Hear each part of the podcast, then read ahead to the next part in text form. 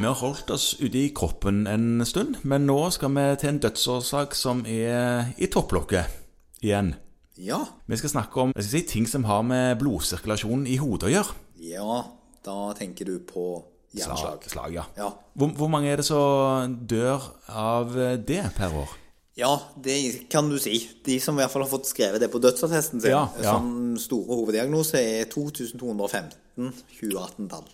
Ja, Så det begynner jo å monne, dette, da. Det er jo det. Men så skal det også sies at det å få slag er jo ganske vanlig. Ja, er det det? Hvor, Ja. hvor vanlig er det?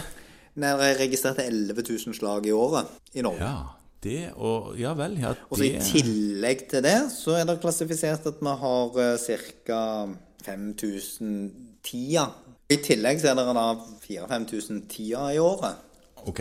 som er sånn drypp eller transitorisk iskjemisk attakk. Ja, men Vi det tenker er en liten hendelse, men der du blir helt tilbake til der du var innen 24 timer. Ja, men det er òg ting som på en måte skjer med blodsirkulasjonen i hodet. Ja, og det indikerer jo kanskje at det er noe alvorlig muffens på gang. Ja. Sånn at dette begynner å bli en ganske vanlig årsak til død. I tillegg så er det et kjempestort samfunnsproblem, fordi at det er en årsak til veldig alvorlig sykdom. ja, så de som overlever sitt slag, f.eks., de, de kan bli pleietrengende? Ja, altså, alle som overlever et slag, får jo et eller annet form for sekvele eller Ja. følgetilstand. Ja. Og det kan jo være alt fra lammelser, dårligere funksjon Mange opplever jo at de på en måte ikke fungerer så godt rent sånn kognitivt som det de gjorde før. Tenker, tenker ikke sånn som de gjorde før? Nei.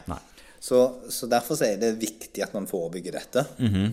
Eh, Slagene presenterer seg jo veldig, veldig akutt. Ja.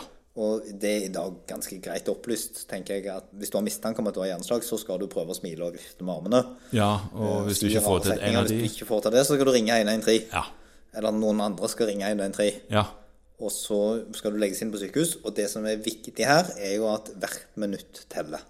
Ja, Så man skal ikke si an dette eller lure på om det kanskje bare går over eller sånne ting. Dette er den rødeste av den rødeste av den rødeste am- ambulanseturen. Her haster det virkelig. For får du blodfortynnende behandling på et tidlig tidspunkt av slaget ditt, så kan du bli helt frisk. Nettopp. Det er akkurat det.